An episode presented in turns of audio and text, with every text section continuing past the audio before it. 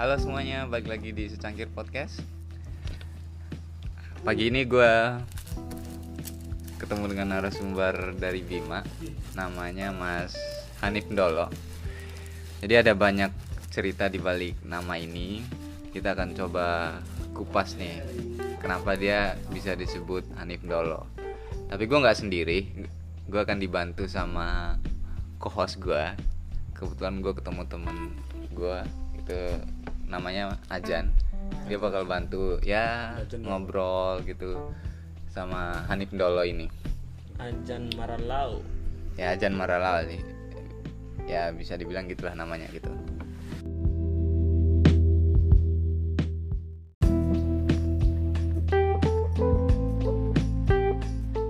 Hanif Dolo Oke, kenalin diri dulu dong dikit gitu. Hanif Dolo siapa anda gitu kenalin diri. Oke nama saya Hanif dulu selalu dari Bima ya. Ini buat pendengar-pendengar ini harus tahu Bima tuh di mana. Bima tuh di NTB iya betul sekali. Di Pulau Sumbawa NTB jadi satu pulau dengan anu satu provinsi dengan Pulau Lombok ya. Jadi Bima adalah Indonesia juga.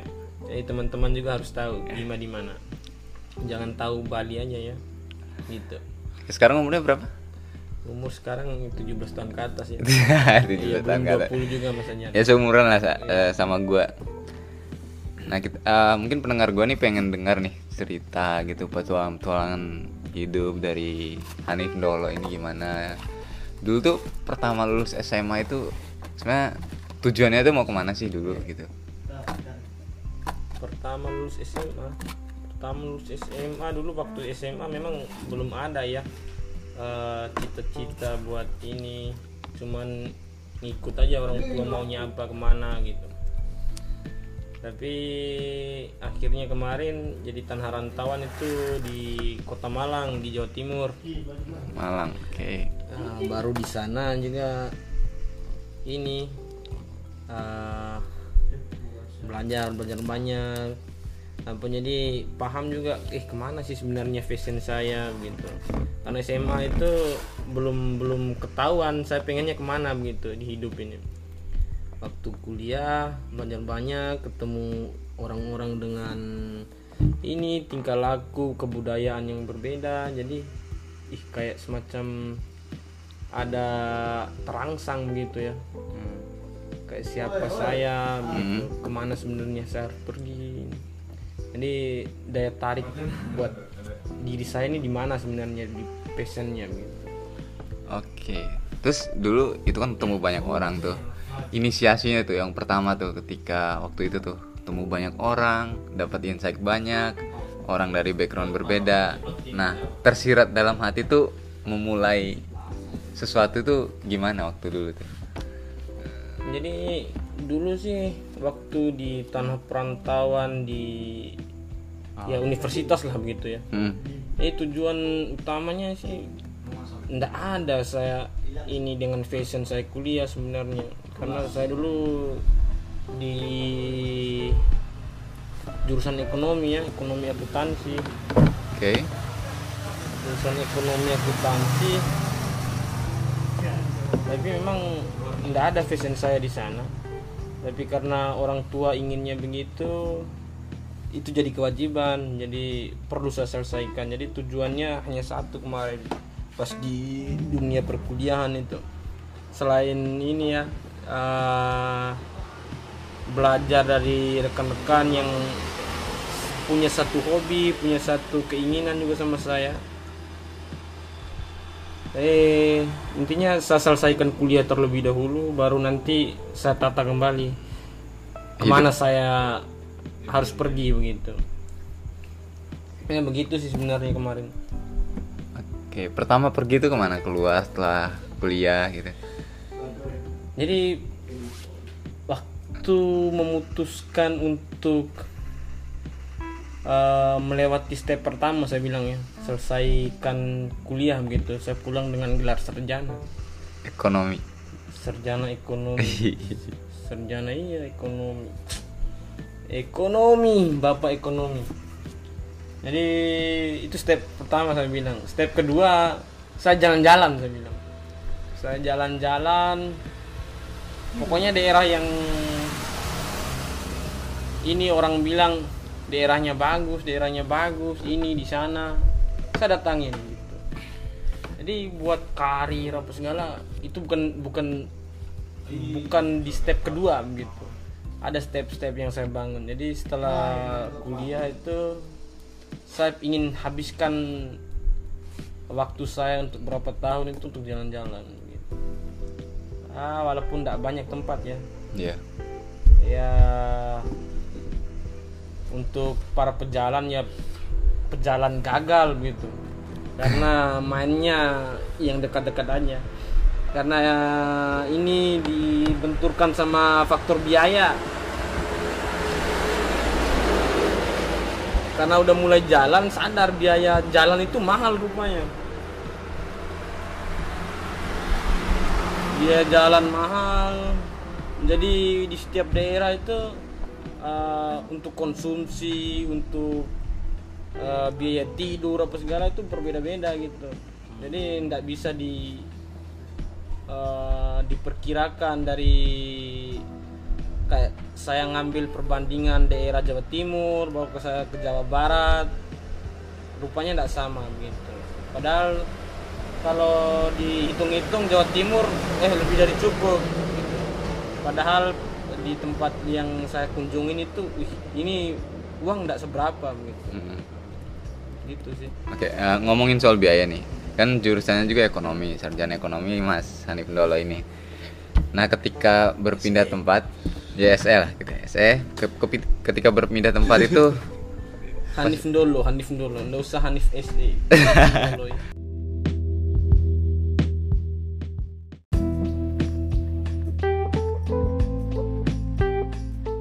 manajemen manajemen keuangannya itu gimana? Misal ada di Malang, terus ada di Lombok, itu ngatur keuangannya gimana? Kan pasti beda-beda tuh.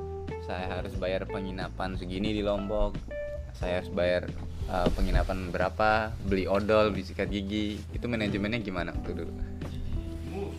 karena begini ya yang biayain kan orang tua dulu kan dan jangan karena habis kuliah saya tidak kerja Mm-mm. jadi sumber pendanaan itu dari orang tua semua.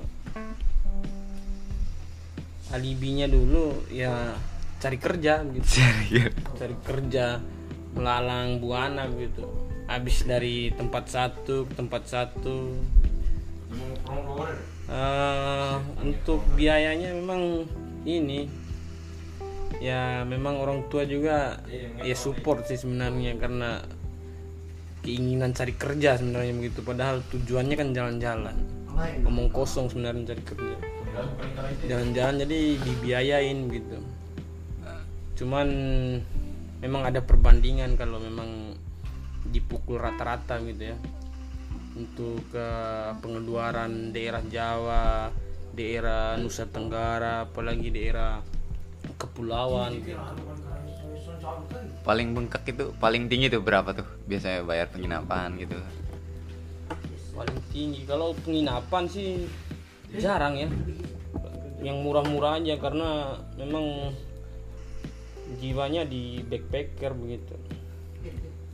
Eh, kalau kepepet betul baru cari penginapan.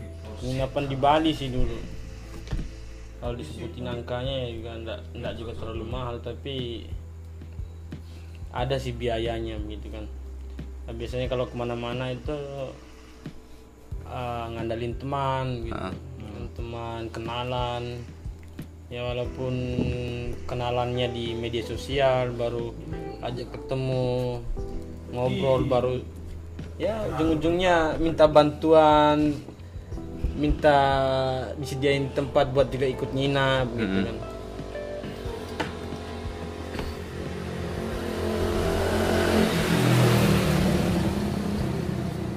Lebih suka pantai apa gunung?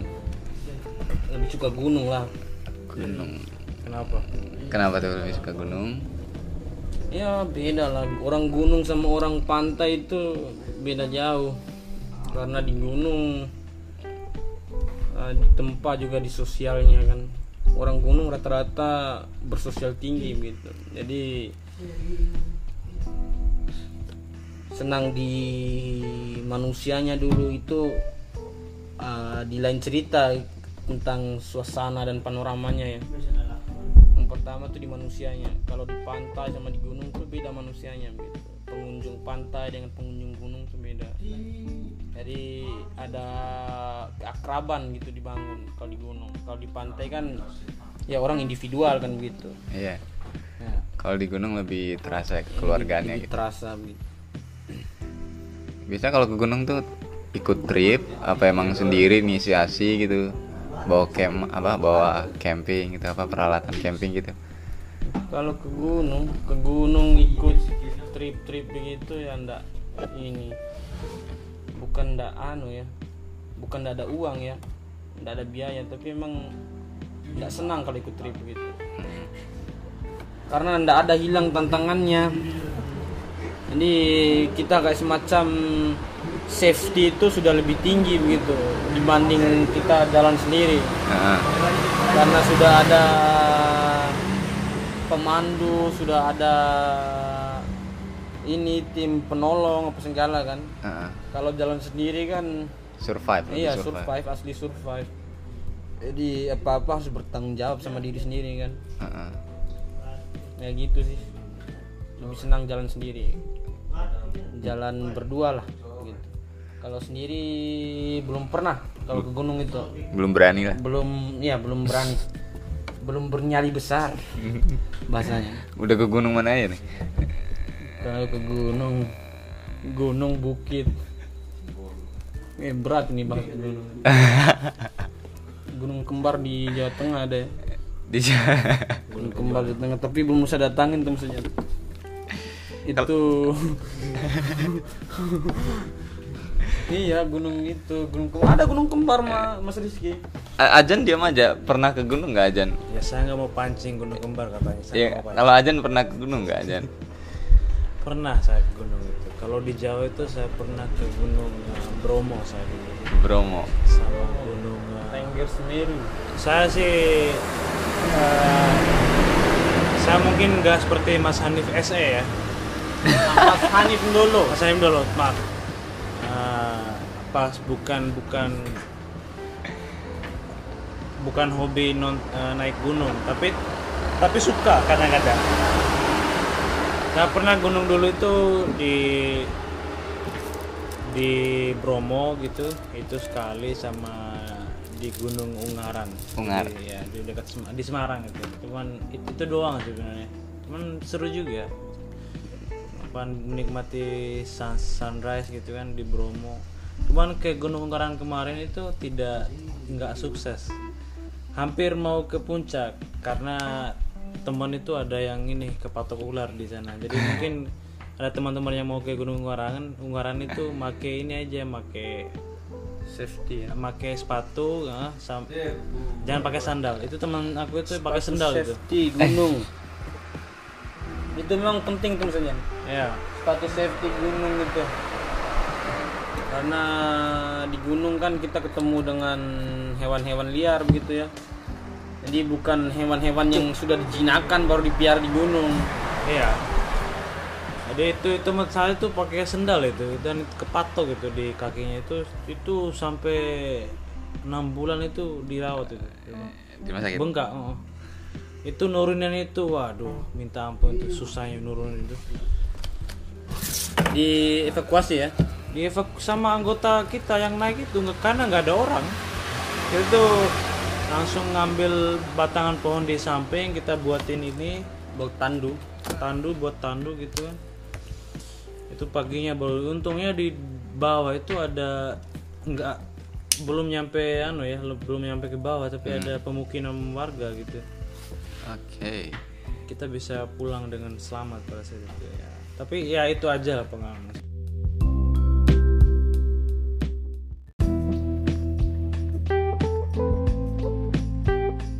Oke, itu, eh, itu Gunung kembar. sebenarnya ini bukan bukan ini menjurus ke yang negatif mas Iya, Rizky ya I know I know terus ini kan udah banyak nih wah gunung gitu yang pernah apa didaki lah gitu terus pengalaman dan pengetahuan dari beda-beda gunung itu gimana Hanif Dolo?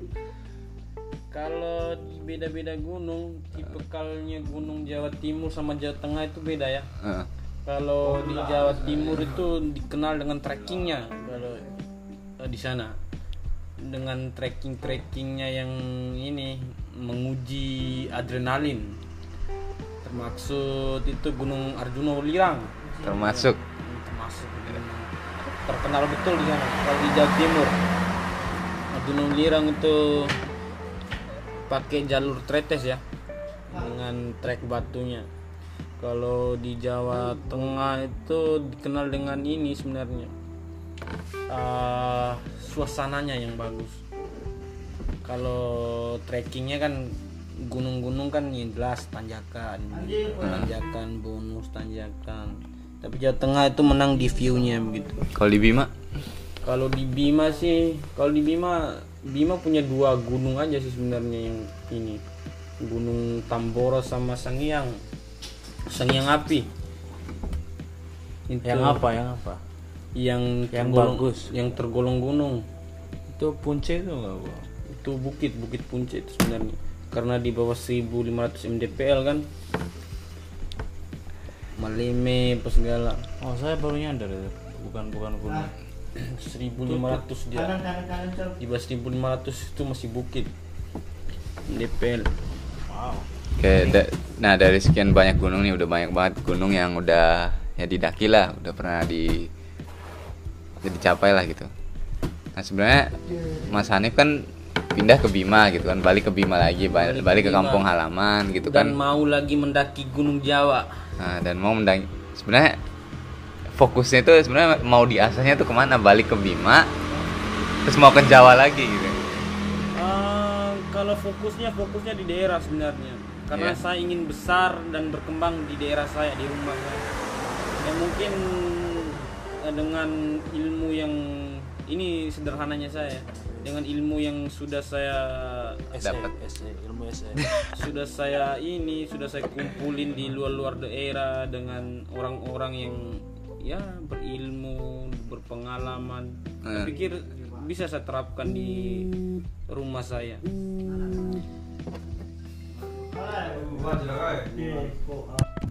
Ya fokusnya ya di rumah ya di kampung.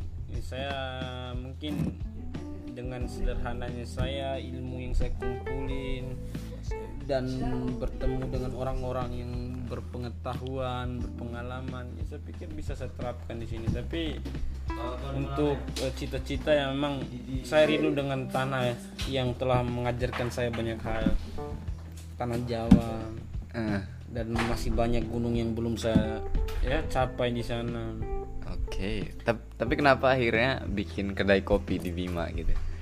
Bikin kedai kopi ya, karena memang dasarnya saya pecinta kopi jadi saya tidak ingin hal yang saya cintai itu setengah-setengah begitu.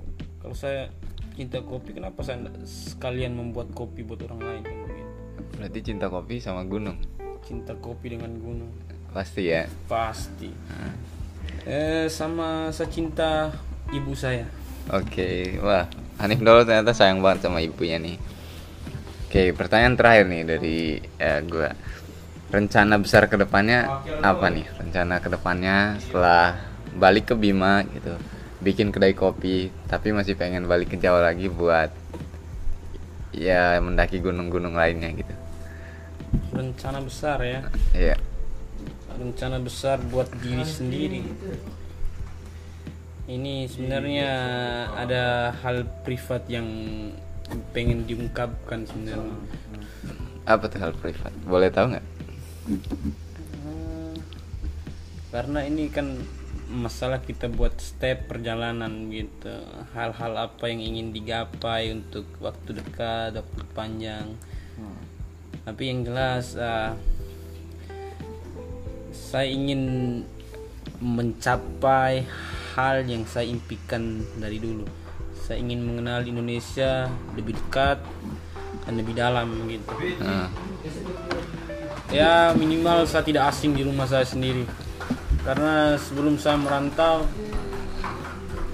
saya tidak sadar bahwa rumah saya ini adalah surga yang dititipkan Tuhan sebenarnya Oke.